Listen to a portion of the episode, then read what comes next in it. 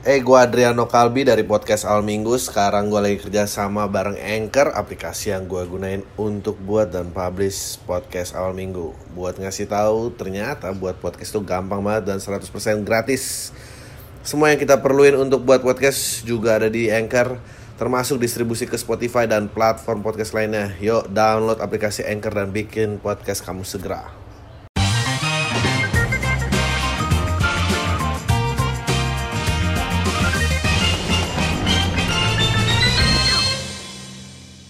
Halo semua lagi dengan podcast Al Minggu bareng gue Adriano Kalbi dan eh, kita semoga sudah sampai di level PPKM 1. Eh, semoga selamat sekali lagi untuk Pak Luhut. semoga gue selalu gini ternyata di endorse. Pak Luhut jadi presiden aja Pak, gitu. Kayaknya tapi sulit ya Pak Luhut. Karena Pak Luhut bukan agama mayoritas ya. Em, ya nggak gue usah bahas-bahas gitu nanti ntar sentimennya bertambah. Em, tapi good job lah. I mean, credit is due when the, when the credit is due. So, gue sih, gue kira, gue sejujurnya, gue kira gue harus hengkang dari negara ini karena kemarin nyaris nyalip India, gue udah ketakutan. Eh, ternyata nggak begitu. Eh, lalu lintas juga mulai normal. Sebenarnya gue udah mulai, jadi kayak dulu gue kesal banget meeting zoom, sekarang kayak ya udah meetingnya ketemuan, ah kenapa nggak zoom aja sih? yang nyebelin kan itu. Yang nyebelin waktu awal-awal dicoba nyebelin banget. Gue nggak kuat selalu ini dan segala macam. Sekarang balik lagi ah kemarin gue kan udah coba. Lu gue tuh emang orang yang selalu telat dalam beradaptasi. Eh, tapi paling nggak masih berusaha beradaptasi. Jadi meskipun yang terjadi adalah gue komplain terus di setiap langkah hidup gue Eh, selamat akhirnya yang bisa balik-balik ke sekolah apa lagi ngucapin selamat selanjutnya? Saya terima kasih terhadap tenaga kesehatan Indonesia yang terus berjuang dan berkorban nyawa. Eh, banyak ya? Hmm, emang manusia tuh cepat lupa. Gue tuh rasanya udah lupa kayak aja awal-awal pandemi kayak apa ya. Gua, jangan kan itu. Si jering aja gue udah lupa. Jering sekarang suruh pusat-pusat ada konten-konten nge-gym itu aduh sedih banget sedih sedih sedih sedih sedih sedih sedih bro Oke kita lihat aja berita-berita yang lagi terkini ini. Eh, dituduh selingkuh karena footstep motor rusak. Ya ampun, apaan sih? Karena putus cinta gara-gara footstep motor. ini viral setelah diunggah oleh akun Twitter at Azen under, eh, at underscore Azen 24 dalam unggahannya dia membagikan percakapan lewat WhatsApp antara diri dan pacarnya. Azen mengirimkan foto untuk mengabari pacarnya bahwa dia sudah sampai di rumah dan tidak kehujanan. Ya coba kita lihat link twitternya. Apakah ya orang tuh pada nggak malu ya? Orang tuh pada nggak malu. Emang orang kalau nggak punya karya tuh emang modalnya cuma kehidupan pribadi aja makanya seperti yang gue tegaskan kemarin gue tidak mau lagi ngeluar aku baru nyampe alhamdulillah nggak kehujanan oh loh kenapa aku baru nyampe alhamdulillah nggak kehujanan oh loh kenapa nggak apa-apa kamu kok gini ada apa? Ada yang salah dari aku? Enggak. Terus kamu kenapa? Anjing. Kamu tadi sama siapa? Kan tadi udah bilang aku sendiri. Alah cowok bohong dulu. Astagfirullah apanya yang bohong? Anjing keren banget nih. Terus fotonya diringkarin, itu ada footstepnya. Kalau emang sendiri kenapa ini turun begini? Anjir.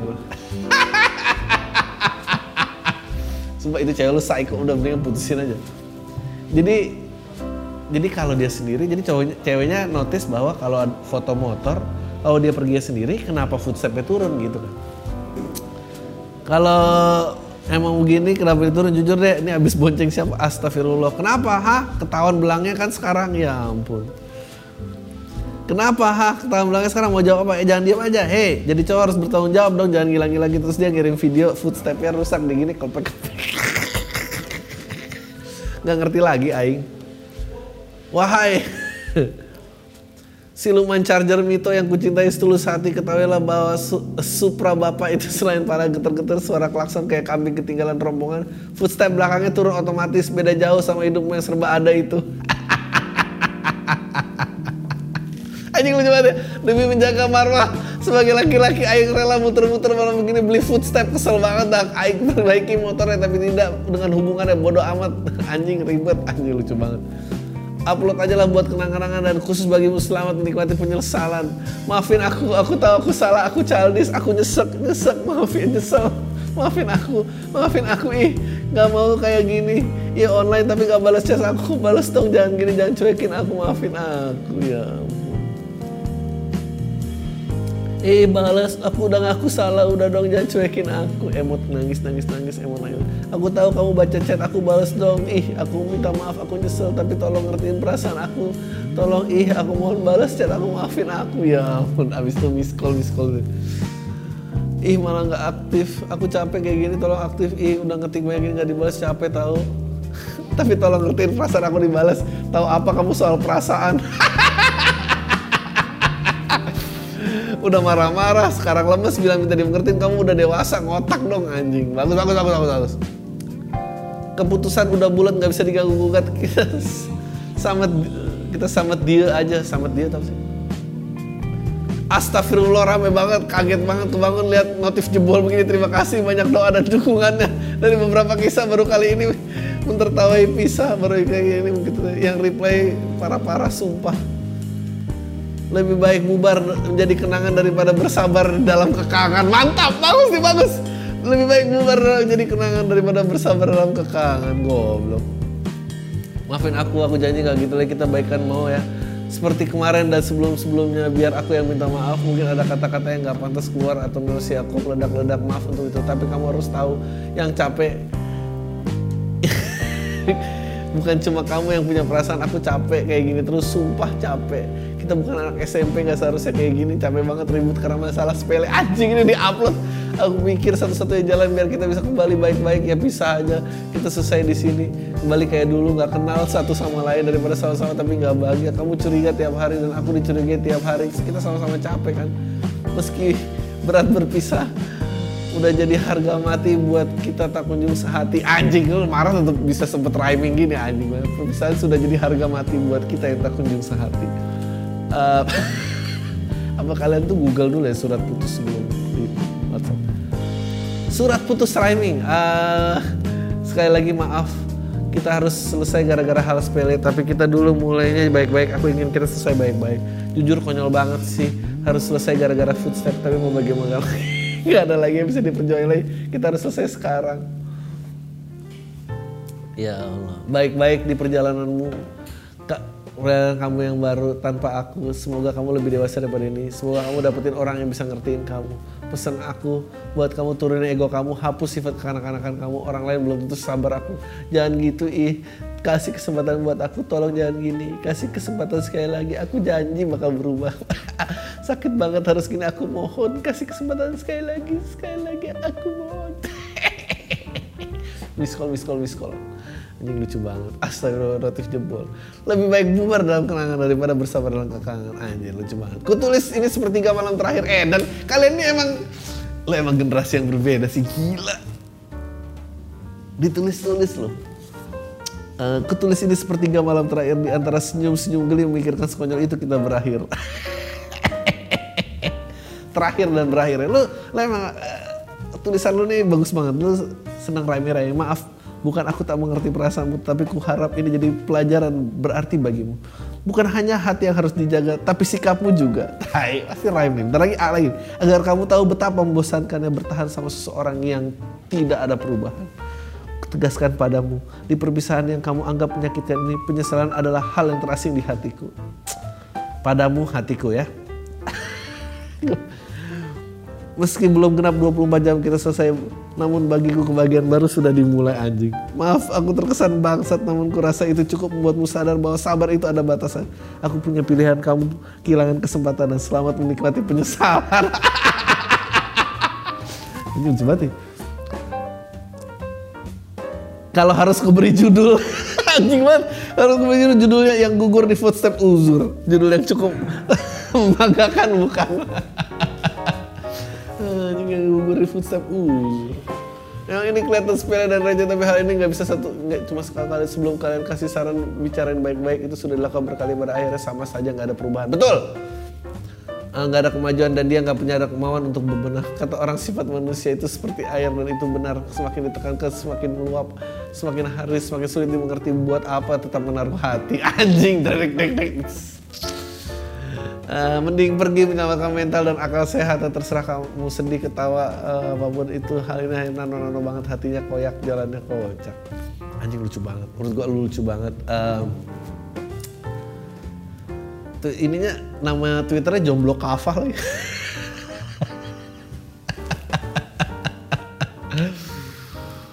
Aduh.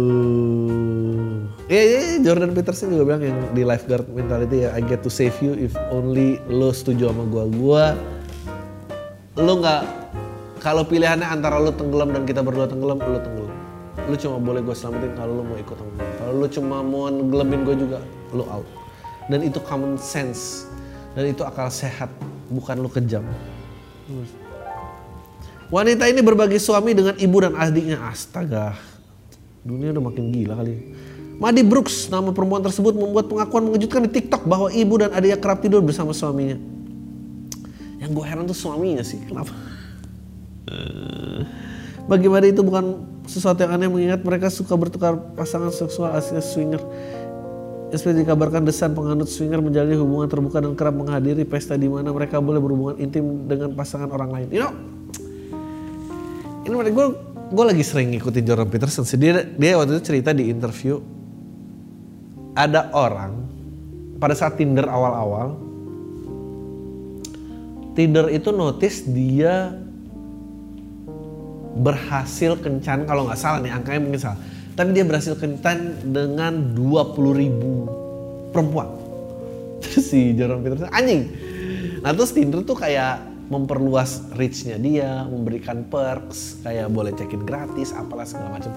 Ngasih fasilitas ke orang ini segala macam terus dia bilang gila ini di modern day lu 20 ribu orang lu tuh levelnya di atas bersama Gengiskan lu di Gengiskan teritori Gengiskan tuh ya dulu eh, kerajaan Mongol dibangun eh, besar banget dan eh, mungkin seper nggak tahu sepersepuluh kali rakyat eh, sepersepuluh rakyat dunia atau sepertiga rakyat Asia itu masih keturunannya Genghis Khan saking banyak dia memperkosa orang. Gua nggak bilang orang ini memperkosa.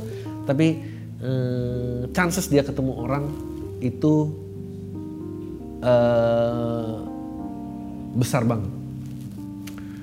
Jadi dia ada di Genghis Khan terus dia bilang gini gue percaya ya kan sekarang banyak tuh kayak poli amarus uh, poliandri juga lagi sibuk ini ya poligami udah sering lah narasinya tapi gue percaya manusia tuh monogami sih. Uh, kita punya persepsi tentang gue percaya itu karena ya nggak tahu ya, ras kalau hanya untuk memuaskan hasrat kayaknya tidak akan bisa dibendung. Dan dan dia bilang karena dia dia sosiolog kalau lo berhubungan dengan 20 ribu orang lo harus bisa detach uh, hubungan fisik lo dari perasaan lo. Uh, karena in order untuk keep up sampai 20 ribu lo harus punya topeng tertentu gitu. Kalau nggak lo pasti mau nggak mau dalam hubungan badan lo otomatis baper kan, maksudnya ada istilahnya tuh baper. Dan kalau itu dilatih sesering sampai 20 ribu, itu path to sociopath kata dia. Itu path to sociopath itu, itu dia bilang I would not recommend that karena lu nanti akan terbiasa mendetach perasaan lo uh, dari dari aktivitas fisik lo yang mestinya itu menyatu. Dan itu orang-orang sosiopat seperti itu. Uh, jadi itu nggak baik sih makanya gengis kan bisa menjadi seperti itu karena dia sosiopat men. Dia, dia bahkan mungkin psikopat kali. Dia bunuh banyak orang. Dia, dia tidak punya remorse dan tetap bisa go on with their day gitu. Um, nggak tahu ya glorifikasi glorifikasi body count dan segala macam itu belum ketahuan impactnya. Masalahnya kita belum belum I mungkin belum genap 10 tahun kali dan belum ada kali uh, misalnya dating apps gitu uh, Tinder itu ada aplikasi yang yang baik untuk masyarakat gitu. Uh, gue rasa akan keluar sosiopat sih dan gue setuju gitu sama Jordan Peterson karena dan dan gaya hidup balik lagi ke Kartikal ini kayak berbagi suami dengan ibu dan adiknya. Dan swinger dan segala macam men itu itu itu itu pasti ada alkohol involved ada drugs involved karena lo harus mendetach itu lo harus mendetach akal dan pikiran lo dari badan lo. Kalau nggak lo emang lo habis berhubungan badan langsung mau pulang aja gitu masih curhat-curhat dikit curhat-curhat dikit itu kan bikin baper um, ini Ah, aja lucu banget. Nasib miris wanita jarang mandi berakhir dicerai suami. you know what's funny about artikel ini? Yang funny tentang artikel ini adalah udah suaminya udah secapek apa coba untuk ngingetin istrinya mandi. Ma mandi dong, kan aku udah bilang mandi. Aku gak pernah minta apa sih dari kamu selain mandi. Aku minta apa? Aku ngelarang gak pernah. Uang belanja selalu ada. Aku cuma minta mandi. Aku gak... aku udah gak minta deh kamu tiap tel aku telepon selalu diangkat. Tapi mandi lah. Jadi kasihan banget. Di Belia Asar Uttar Pradesh India dikabarkan telah mengucapkan talak tiga kepada istrinya anjing dia tiga kali talak itu berarti kayak saya ucapkan talak pertama ini karena kamu nggak mandi. Yang kedua kan kemarin udah bilang nih mandi. Awas sampai tiga kali ternyata tiga kali. Ini udah curhat ke temen-temen anjing nih bini gue nggak mandi mandi coba aja lu talak bro. Gitu ya bro. Harus talak banget sampai tiga kali ternyata sang pria cerai-cerai karena istri yang kejadian itu biasanya baru terungkap setelah sang istri berusaha menyelamatkan pernikahannya dengan membuat laporan ke Komnas Perlindungan Wanita. Hah? The Aligarh Women Protection Cell kemudian memberikan konseling kepada pria dan istri agar bisa kembali rujuk. Jadi terima lagi udah. Masa aku harus ngancem mau ninggalin kamu dulu baru kamu mau mandi? udah gini aja heboh lapor-lapor orang. Brengsek lah. Seorang pria pergi ke nikahan mantannya berakhir mantannya yang pingsan. Warganet sempat dibuat geger oleh kisah viral seorang pengantin wanita yang menangis histeris hingga pingsan ketika melihat mantan pacarnya hadir di pesta pernikahan. Dalam video yang viral di TikTok, ya ampun. Terlihat si mantan yang memakai kemeja hitam dan naik ke pelaminan berpelukan sembari memberi ucapan selamat kepada mempelai pria. Ketika momen itu terjadi, sang mempelai wanita sontak berteriak-teriak. Ya ampun. Ada videonya gak sih?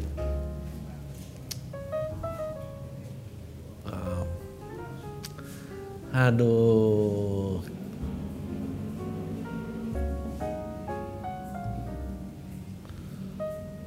Mana ya? Mana mana mana mana mana mana. Saya ya ampun pingsan.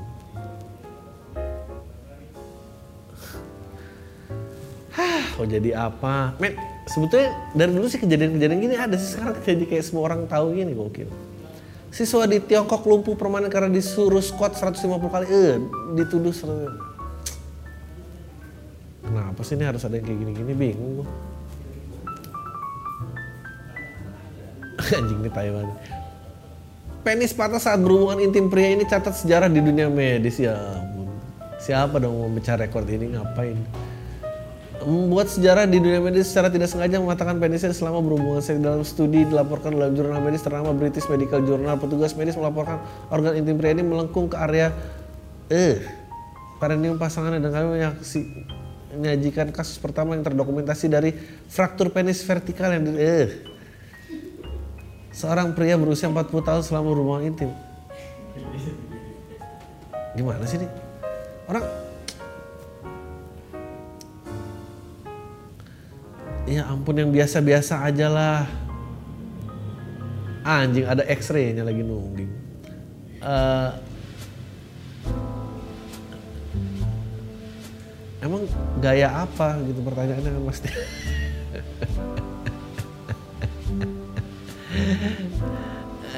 Menurut penelitian, 88,5% fraktur penis terjadi selama hubungan seksual dengan studi retrospektif 20 tahun menyimpulkan doggy style dan man on top sebagai dua posisi seksual utama membahayakan penis. Ini mah bisa-bisanya pria malas aja. Kamu aja di atas udah ada hasil risetnya bisa patah kalau begini. Um, eh, lembek vertikal salah tiga sen. Aduh, udah geli ya. Berita yang lain aja. Buat laporan palsu, HP dan uang pemuda ini ternyata diambil wanita open BO. Ya Allah. Apakah ini berita pendengar podcast awal minggu ya sebetulnya? Ditipu open BO nggak terima. Aduh. Ya, gue pertama kali dengan open BO kan gue nggak ngerti kayak ah, ada open BO bisa gini gini gini. Terus gue ngetes ya. nge-search di Twitter open BO ya. Anjing yang lucu tuh sebetulnya lihat replay-replay orang yang uh, ditipu open BO. kayak gue tertipu jangan sampai ada orang yang harus ketipu lagi. Dia langsung reply di thread bahwa ini penipuan jangan akun ini guys nanti ini. Am menurut gue nggak ada lagi orang yang lebih kasihan daripada horny dan ketipu ya. Jadi dia katanya udah otw nggak datang datang anjing ternyata udah duit gue hilang nggak ada ada uh, kasihan kasihan kasihan ternyata lewat aplikasi micet Micet tuh kayak apa sih? Gue harus lihat sih micetnya kayak apa. Hah. Malu sih ini. Ini malu kenapa harus lapor? Mungkin kalau udah dendam. Emang kalau udah horny tapi terus kesel tuh akal jadi nggak sehat. Buat laporan palsu wanita di Garut mengaku dibegal 1,3 miliar ke polisi padahal untuk menghindari utang anjir. Ini mah pinjol-pinjol ya men. Kenapa sih orang-orang tuh pinjol-pinjol serem men? Mbak Imong dikritik netizen ya ada apa sih dengan Mbak Imong? Kok gak ngerti. Orang masih ngikutin Mbak Imong. Terjadi kerusuhan di arena gulat PON Papua XX Papua televisi rusak karena ditendang. Viral, teman SMA aku jadi ibu tiriku. Aku senang bisa bersama seumur hidup. Eh. Seorang gadis menceritakan asmara ayahnya yang menikah di pelaminan ternyata sang ayah menikahi dengan sahabatnya. Ih anjing. Fitri merupakan alumni dari SMA Negeri 1 Amanuban Tengah Timur Tengah Selatan Timur Tengah Selatan Nusa Tenggara Timur yang memiliki seorang sahabat perempuan yang pada 28 Agustus dinikahi oleh ayahnya oleh Fitri. Putih yang kayak gini-gini. bapaknya tuh berarti punya kepercayaan diri untuk nanya anaknya dek itu teman kamu siapa anjing? Kenapa dia percaya diri banget ya? Gue sih ya ampun. Makanya lu, lu tuh penting punya teman. Biar ada teman yang bilang lu nggak lu nggak gitu dong masa temennya anak lu, pacarin? Ah. ID Line Iqbal bocor netizen ribut pamer chatnya dibalas. Hah, ya udah itu aja. Langsung aja kita ke pertanyaan-pertanyaan uh, minggu ini. Minta saran menabung ala Adriano Kalbi. Oke. Okay. Eh, semoga sehat selalu di masa pandemi ini. Perkenalkan gue adalah seorang karyawan umur 23 tahun yang sedang bekerja di salah satu agensi di Jakarta Utara. Pendapatan gue itu masih diangkat tidak terlalu besar yaitu 5,5 juta per bulan. Oke. Okay. Kalau Bang Adri berkenan, boleh berjawab pertanyaan ini Bang. Satu, tips menabung untuk karyawan baru. Pembagian antara tabungan, kebutuhan, dan keinginan. Oke. Okay. Menurut gue, kalau lu dapat 5,5, kalau gua nih 30% lu tabung di rekening yang berbeda. Sisanya itu yang buat lu bertahan hidup. Kalau kurang lu harus cari cara. Tapi paling nggak 30% itu harus diamalin. Ah, atau juga ada orang yang bisa bilang kayak kosan lo makan dijatah terus 30% dari sisanya itu. Tapi menurut gua itu jadi terlalu kecil. Tapi misalnya 5,5 juta lo ambil 30% itu sekitar oh, 2 juta gitu ya menurutku 2 juta that's good money. Apakah kredit itu membantu? Jangan lu jangan punya utang dulu. Hmm. nah di sini menurut gue menurut gue sebetulnya jangan lu tabung. Sebetulnya eh, 2 juta itu lu bagi ke kalau gua sih insurance. Tapi kalau lu mau agresif ya udah nggak usah pakai asuransi nggak apa-apa lah berharap lu nggak sakit aja. Kan masih di cover kantor kan 2 juta pelajarilah instrumen-instrumen investasi yang lu nyaman. Uh, reksadana emas. Gue sih nggak nyaranin lu nyimpen duit sebetulnya. Gue nyaranin lu tuker duit lu. Jadi duit tuh jangan disimpan duit tuh ditukar dengan alat investasi. Nah lu main bitcoin lu menurut gue itu jumlah yang oke. Okay. sisanya buat bertahan hidup. Dan pelajarilah kalah menang lu di situ. Jadi itu pasti kalah menang sih Berapa persen yang harus diberikan oleh orang orang tua? Menurut gua orang tua kalau lu misalnya tadi ambil 2 juta kan lu sisa tiga setengah juta. Ya tergantung kosan lu berapa. Ya kalau lu bisa nyisihin orang tua sejuta ya bagus. Enggak ya 500 ribu juga oke oke aja. Bang Adri saat awal-awal kerja apakah sudah langsung menabung? Di umur berapa Bang Adri mulai investasi? Dan berapa tabungan cukup untuk melamar pacar? Ya ampun. Arigato gozaimasu semoga kita selalu mengejar cita-cita yang belum tercapai um, Eh, hey, gue Adriano Kalbi dari podcast Al Minggu. Sekarang gue lagi kerja sama bareng Anchor, aplikasi yang gue gunain untuk buat dan publish podcast Al Minggu. Buat ngasih tahu, ternyata buat podcast itu gampang banget dan 100% gratis. Semua yang kita perluin untuk buat podcast juga ada di Anchor, termasuk distribusi ke Spotify dan platform podcast lainnya. Yuk, download aplikasi Anchor dan bikin podcast kamu segera. Gue awal-awal langsung menabung enggak. Karena gue tau ya gaji gue gaji gue tuh tahun 2005 lu boleh cek UMR 2,4 juta gaji gue 1,8 coy. Gila uh, gue belum bisa ngasih orang tua dan belum nabung dan nggak apa-apa. Waktu itu ya habis ya habis aja. Karena memang ya ada angka-angka yang lu tidak bisa menabung. Tapi menurut gue 5,5 juta lu bisa menabung. Um, karena UMR 3, berapa kan? Jadi gaya hidup lu harus dibenerin sih. Uh, investasi uh, gue mulai investasi tuh mungkin gue tuh telat sebetulnya tahun ketiga tahun kelima. Uh, kalau lu bisa langsung mulai mulai aja menurut gue karena harus belajar kalah menangnya sih. Kalau mau konservatif ya lu pelajarin lah emas gitu. Reksadana juga masih konservatif gitu. kalau mau agresif menurut gue kalau muda agresif aja.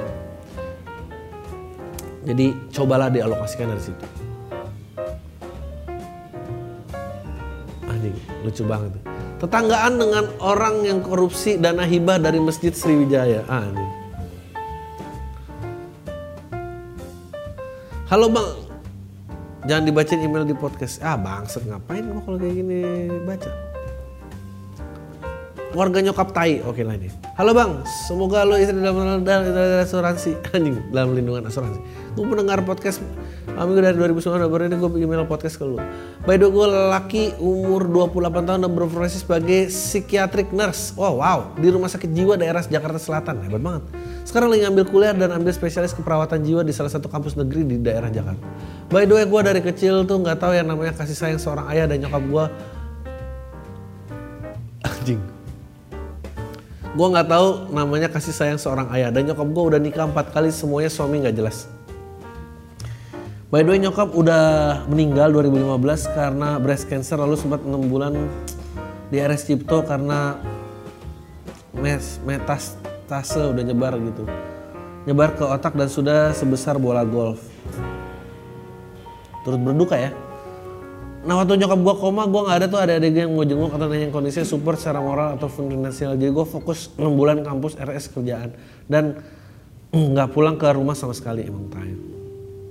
Pada tahun di 2018 rumah warisan dari nenek gue dijual dan bagian tiba-tiba gue dikasih bagian nyokap gue oh ya by the way nyokap gue anak satu dari lima bersaudara adik-adiknya kerja di instansi pemerintah lanjut nah adik nyokap gue ini atau om yang gue bilang begini ini harus dibagi secara hukum Islam. Dan gue jawab loh kenapa harus hukum Islam? Om gue bilang iya biar berkah. Singkat cerita gue di posisinya saat itu nggak ada emosi sama sekali karena gue tipe yang selalu nanya kalau gue nggak paham sama suatu konsep dan mengkomparasi antara konsep tersebut. Anyway, waktu gue itu bilang, emang kalau mau ngambil bagian gue silahkan aja, jangan pakai hukum yang cuma lu sendiri yang paham. Dan saya itu om gue ngambil bagian gue dan kelihatan nggak bersalah gitu.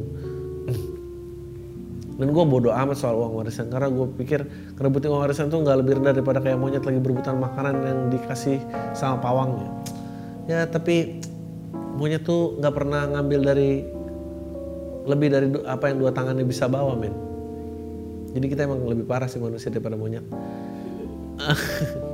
gue konflik sama om gue karena nggak pernah satu pemikiran sama dia karena dia cukup sangat banget konservatif dan tiba-tiba dia ngomong gini lu mah nggak bisa apa-apa cuma bisa komplain doang nah ini turning point gue dan gue selalu ingat sampai detik ini singkat cerita setelah kejadian itu gue mulai lanjut ngambil magister magister nursing program di Austria dan tentu berkat bantuan keluarga bokap gue dan thank God gue selalu berpikir bahwa ya gue ngambil S2 bukan karena dendam tapi karena gue mau sesuai dengan kebutuhan serta lulus dan hasil yang cukup memuaskan menurut gue. Nah long story short, posisi gue dalam satu setengah tahun ini di tempat kerja gue cukup lumayan secara finansial di titik. Om om gue ini mulai nanyain kondisi seringnya minjem duit dengan alasan untuk biaya sekolah anaknya.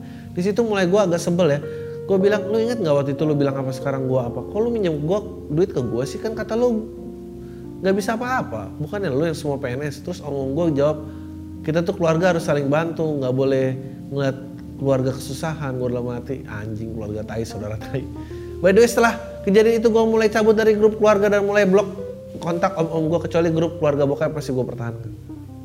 Ya karena lo anak bokap lo sih. Karena menurut gue yang nolong gue dan struggle tuh bukan om gue tapi malah dari keluarga bokap yang notabene nya berpendidikan tinggi dan banyak referensi sama link di luar negeri dan gue selalu dipacu untuk maju sama keluarga bokap gue tanpa harus nyuapin terus-terusan padahal nyokap bokap gue udah cerai dari usia gue dua setengah tahun karena bokap gue BD ekstasi besar di Bandung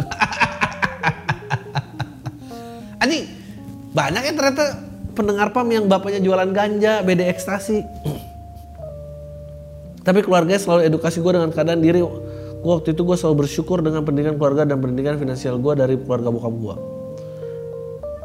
Ini tuh, ini ya, pokoknya ada ada tamunya om-om lah siapa tuh yang baru dieksekusi mati mengimpor ekstasi dari Cina 1,5 miliar butir ekstasi. Ya Allah. Anyway, gue cerita ini bukan untuk dikasihnya tapi gue percaya pada saat lo keluar dari keluarga yang broken cuma punya dua pilihan antara rusak atau berhasil jadi lebih tough. Dan ke depannya mungkin gue bisa bisa tell people bahwasanya nyokap dan bokap tuh cerai bukan jaminan lu jadi bodoh untuk berlaku bodoh. Dan gak selalu keluarga yang lu kira menolong lu saat itu saat lu struggle akan nolong lu. Ya betul. Menurut gue lu sangat dewasa dalam menyikapi ini. By the way saat ini gue lagi belajar investasi seperti reksadana dan forex. Gue juga berharap ke depannya gue bisa maju terus dengan background gue mantap. Teks bang udah dibacain. Next time mungkin gue akan kirim email mengenai betapa artis yang kelihatannya baik-baik aja di TV ternyata pasien di RS gue ayo dong! Please please please please, atau nggak kita kita kita schedulein ini dong. Uh, lo jadi tamu gue gitu atau gimana gitu? Uh, see you on top. Mantap. Bless you and Godspeed. Aduh bro lo keren banget bro. Semoga lo um, ya apa ya? Lo mendapat jalan keluar lah dalam hidup. Menurut gua nggak apa-apa putus kontak aja sama keluarga ibu lo nggak penting itu. Nggak penting beneran. Udah bagian warisan lo diambil. It's okay man. It's common sense. I get to help you if you don't get to drown me. Assalamualaikum bang, gue adalah salah satu orang yang suka ketawa ketika lu ketawa nyetrum aja gitu Mau minta saran bang, belum lama ini gue lagi suka ke seorang cewek. Lihat IG story setiap hari upload satu sama cowok. Ada dua kemungkinan, dia pacarnya dan apa yang harus gue lakukan. Dia bukan pacarnya, apa yang harus gue lakukan? Minta sarannya. Menurut gue eh, nggak ada yang perlu dipikirin sih menurut gue Kalau lo bisa berhubungan normal aja dulu cari perhatiannya. Baru pikirin strategi. Yang penting menangin dia dulu nggak penting ada pacar nggak ada pacar. Itu aja sih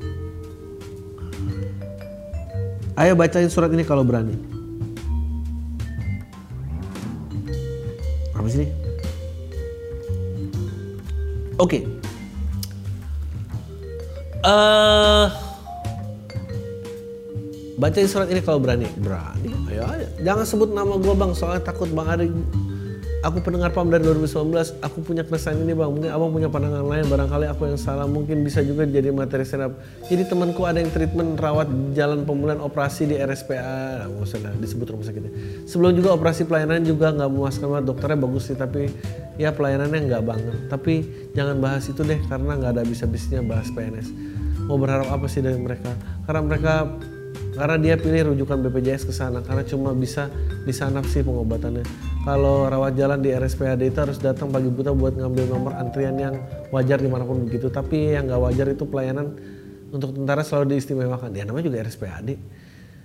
Jadi antrian untuk tentara selalu dihabisin dulu, habis itu untuk warga sipil menurutku itu cukup keterlaluan karena keluarga temanku ini nungguin dari pagi kurang lebih 10 jam sementara tentara datang siang udah selesai aku tahu RSPAD itu diutamakan untuk tentara dari sini tapi itu yang bikin trigger. Kalau untuk presiden aku akan mendukung Jokowi for sure. Aku ngerti karena mungkin tugasnya banyak dan penting tapi pertanyaannya tapi pertanyaannya apakah untuk tentara bahkan keluarga diutamakan fasilitas terbaik itu wajar. Kalau memang ini rumah sakit khusus tentara kenapa tidak ada rumah sakit sipil yang setara dengan pelayanan untuk sipil diutamakan? Apa profesi tentara yang harus diutamakan? Mendapat fasilitas kesalahan kesehatan terbaik apakah ini negara militer nah, you sebetulnya Bill Burr pernah bikin beat ini dia bilang gua kesel tuh lagi mau nonton olahraga udah bawa bir bawa popcorn begitu mau duduk tiba-tiba ya uh, kita sambut penghormatan terhadap pahlawan perang kita yang baru perang baru pulang dari Irak sambutlah ini ini, ini. orang harus berdiri hormat lagi men gue lagi repot nih bawa bir bawa popcorn nggak sekarang kan zamannya sosial media ya semua direkam. Nggak ini pahlawan perang. Coba dong dilihatin dong statistiknya apa aja. Berapa confirm kills? Dia aksinya gimana di medan perang?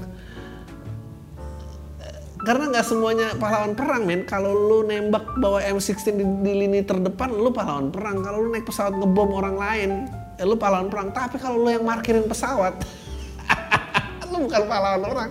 Ya mungkin kalau lu mau jadi jok kayak gitu kayak diutamakan. Emang dia pernah perang apa? Kalau nggak ada yang pernah perang gini ngapain diutamain? Uh, kita kan sama kerja menjalani fungsi masing-masing di negara dan masyarakat. Apa kita bayar pajak dan gaji tunjangan lain? Mereka belum cukup? Apa tentara harus selalu diistimewakan dari sipil? Oke, saya bisa mengerti kalau ada rumah sakit khusus misalnya ada tentara yang terluka dalam pertempuran. Tapi emang sekarang kita sedang perang sama siapa? Ya benar. Apakah tugas dan fungsi masyarakat ini lebih nggak penting dari tentara? Teman saya ini juga harus kerja padahal dia tentara yang lagi cedera paling habis pulang tidur nggak mungkin kan mereka masih latihan silat dengan keadaan kaki patah. Apa yang mereka lakukan untuk WFH coding JavaScript? aku bisa terima kalau ada keistimewaan untuk orang-orang yang istimewa. Misalnya antara aku diambil profesor atau dosen atau guru yang waktu lebih ber, berguna untuk ngajar. Aku bisa terima keistimewaan untuk atlet supaya mereka tempat sembuh karena bakat mereka langka. Tapi why tentara? Kenapa mereka institusi punya senjata? Ini lucu banget. Seberapa istimewa mereka? Perang apa yang mereka sudah menangin sampai harus diutamain kayak gitu? Pertempuran 98 lawan mahasiswa.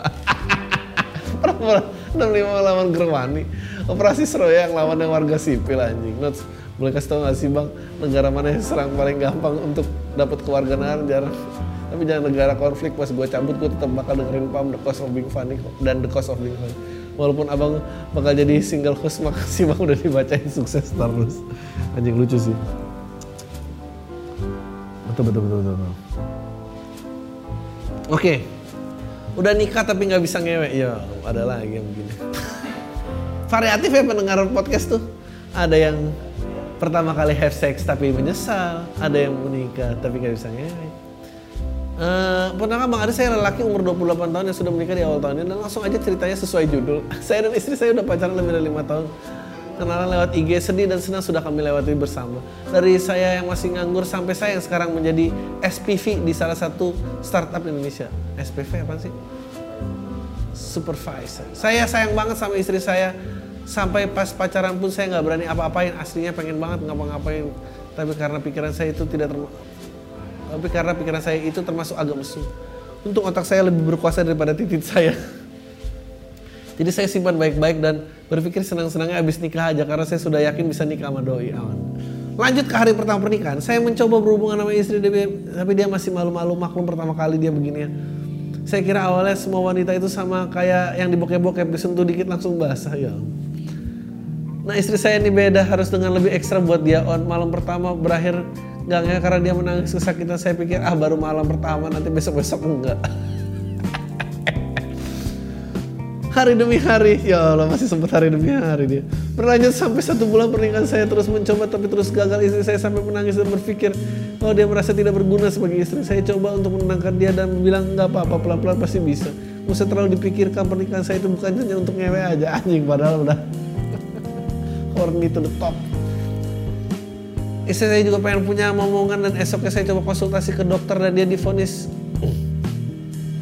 vaginismus. Uh, vaginismus adalah kondisi medis yang ditandai dengan pengencangan otot-otot di sekitar misfi. misfi bangsat. Lu udah pakai vaginismus gak usah pakai misfi dong. Secara tidak sadar dan upaya penetrasi masukkan sesuatu seperti oke okay, ya. Ketika ada upaya untuk mempenetrasi atau masukkan sesuatu ke dalam misfi anjing misfi Ya ampun. Oh jadi menegang. Oke, saya karena saya sayang sama dia, akhirnya kita bisa lakukan terapi pelan-pelan. Sedikit demi sedikit pasti bisa. Beberapa bulan kemudian istri saya masih kesakitan saat saya ajak hubungan intim. Nggak kebayang bang.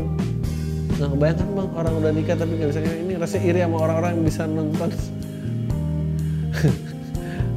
rasanya iri sama orang-orang yang bisa tiap hari bahkan bisa beronda-ronda. Akhirnya dalam kesabaran yang ekstra saya mencari tahu penyebab pengobatan istri saya dan istri saya bisa jebol setelah berapa bulan ist uh, oh kita menikah. Oh ya, syukurlah. dan kesabaran ekstra dan mencari tahu penyebab dan pengobatan akhirnya istri saya bisa jebol. Istri saya sampai menangis haru ya ampun. akhirnya jebol juga. Anjing aneh banget ini. Saya pengen banget kita bisa menikmati tapi kurasa itu butuh waktu lebih lama. Alhamdulillah kami dikarunia anak dan anak kami ini perkembangannya bagus kata dokter tidak ada hal yang aneh-aneh. Wah gila hebat luar biasa. kata dokter tidak ada hal yang aneh-aneh. Sampai hamil hamil ini pun ngewe pun masih sulit bang, tapi saya tidak akan pernah menyerah dan terus sayang sama istri saya. Ini cerita buat kolam tai. Saya tahu di sini banyak orang yang sange supaya buat pelajaran kalau dapat istri-istri seperti saya mohon bersabar. Pelan-pelan disupport terus karena banyak hal seperti ini bukan kemauannya sendiri. banyak laki-laki yang kurang edukasi. Malam pertama ngerasa ngewe sama istri nggak enak terus selingkuh nyari PSK. Ingatlah suatu saat nanti kalian akan tua dan kalian butuhkan ada teman ngobrol bukan hari tua teman ngewe. Luar biasa. Luar biasa. Semoga pendengar terhibur dengan cerita saya dan bisa memetik pelajaran dan apa yang saya alami ini. Terima kasih Pak Andri Salam Men, congratulations men. Gue senang sama orang yang berusaha dan ada hasilnya. Meskipun uh, ya meskipun ya susah ya gimana dong. Oke, okay. terfitnah, terfitnah oleh doi tapi gue tetap sange. Oke. Okay. Ini perempuan nih. Gue, halo bang di sini gue mau cerita soal asmara gue yang dipekerja asmara gue di pekerjaan. Nggak perlu sebut nama bang. Oh cowok deh bang namanya. Fotonya cewek sana bang gue cowok umur 21 tahun dan gue belum bisa naik motor. Gue suka sama salah satu karyawan cewek di pekerjaan dia lebih tua beda tiga tahun. Dia kemudian bang. Gue udah deket sama dia udah satu tahun lebih tapi belum bisa nerima gue karena dia bilang nggak bisa liburan bareng. Karena di tempat kerja gue liburnya nggak bisa bareng. Karyawan cuma ada tujuh di sana. Di tempat gue kerja juga bos dilarang pacaran sesama karyawan. Semua bos dilarang pacaran. Karena bakal ngeganggu pekerjaan. Langsung pada intinya kita sempat ngejalanin FBB tapi gue masih belum dapat ke... masih gue belum dapat anjing banget gue masih ngasih perhatian ke dia terus traktir makanan lain. Kita suka pelukan kalau ada waktu coba berdua. Pernah dua kali dikecup bibir sama dia pas gue ultah tapi anjingnya dia pernah liburan bareng sama mantannya dua hari nginep di pantai gitu bang. Gue tahu kan posisi gue cuma FBB tapi gue mulai ada rasa bang ke dia pas gue tanya kamu ngelakuin apa aja? Sama dia dijawab hampir ngelakuin tapi nggak jadi. Cuma dipegang doang bagian bawah. Terus gue tanya ih nggak masuk kan? Dia bilang enggak kok beneran sumpah. Ya ampun tapi hati ini pasti tapi dalam hati mereka pasti ngelakuin. Dongo-dongo ini ini bener sumpah? Masih ngelakuin ya di hari lain gue pernah ajak dia check in pas waktu dia libur dia mau. Dan gue mau izin nggak masuk karena sakit rencananya. Tapi dia nggak mau karena masih trauma katanya anjing lah mantannya udah ngasih kenangan ngentot.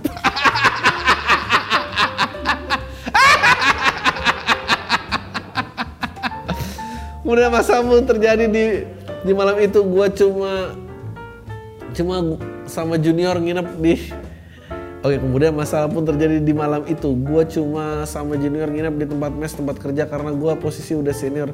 Gue selalu meja, megang HP resepsionis. Gue masih ingat pas malam sampai pagi tuh HP gak kenapa-napa masih bagus gak retak. Pas kerja pun masih bagus layar HP-nya si junior dan jadi yang jadi saksinya. Tapi pas terakhir doi megang HP tiba-tiba layar HP udah retak.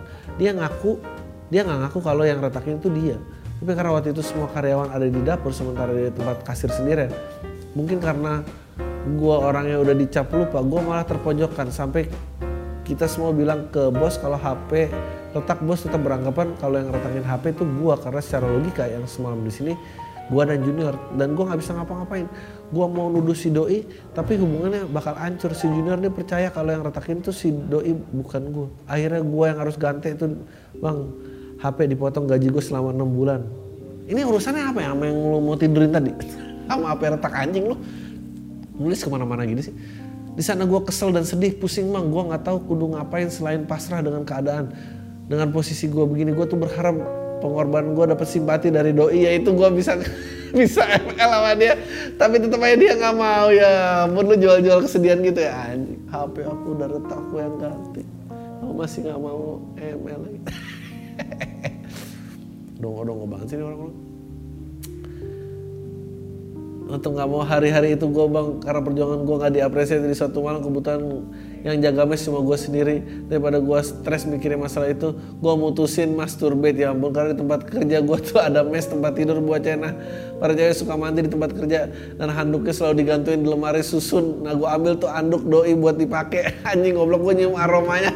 Sama kayak aroma dia sampai gue keluar tapi gue selalu bersihin lagi pakai air lalu gue gantung lagi. Kesannya di posisi semula biar nggak ketahuan. Gue lakuin gitu sampai gue lakuin gitu terus pas gue lagi pengen aja. Karena sampai detik ini si doi belum bisa nerima gue apa gue psikopat ya bang lakuin kayak gitu? Sekarang gue gimana bang biar bisa dia mau ML sama gue goblok! Eh, lu tuh udah sama tipisnya sama yang orang nyolong celana dalam terus ternyata bersetubuh sama boneka beruang. Lu nggak ada bedanya tuh sama itu yang menurut gua tinggalin aja kayaknya tuh nggak nggak tahu lah. Menurut gua tinggalin aja kayaknya lu nggak bisa menahan gejolak asmara tuh kayaknya lu malah makin gila yang ada mendingan lu berhenti aja. Udah nih nih nih terakhir nih Gue pendengar PAM dari tahun 2015 dari mas kelas 3 SMA hingga udah lulus S2 gue udah mendengar ulang semua episode PAM dari awal minimal tiga kali anjing. Gue memiliki kesehatan mental yang sangat baik dibandingkan teman-teman gue yang lebih banyak mengaku sakit mental ya. Saran gue untuk semua generasi strawberry agar punya mental yang sehat, seek professional help. Dua, yang penting yang penting yang tidak kalah penting dengarkan semua episode podcast Al Minggu dari awal diulang-ulang minimal sehari tiga episode. Semua perkataan Bang Adri didengarkan jangan ditolak serta direnungkan pagi dan malam dijamin. Lucu banget nih. Lu akan memiliki mental yang sangat sehat serta pikiran terbuka. Lu akan mendapatkan berbagai pelajaran hidup yang berarti. Jangan takut terhadap apa pun. Jadilah mandiri, belajarlah untuk berempati. Makasih Bang udah dibacain sehat terus untuk keluarga PS. Gue sedang dalam persiapan program relawan akses listrik ke daerah pelosok Indonesia selama satu tahun. Wah hebat banget. So I probably won't hear this email being read your podcast. Wish me luck on my journey. Ya kalau lu ke daerah pelosok sebarkanlah juga podcast gue. Siapa tahu nggak tahu isi podcast gue relevan sama orang yang nggak punya listrik apa enggak. Tapi ya semoga membantu lah. Tapi gue yakin orang yang nggak punya listrik tuh nggak punya masalah mental. Karena nggak bisa video call seks. Udah itu aja dari gue. Ada yang lebih semua deh.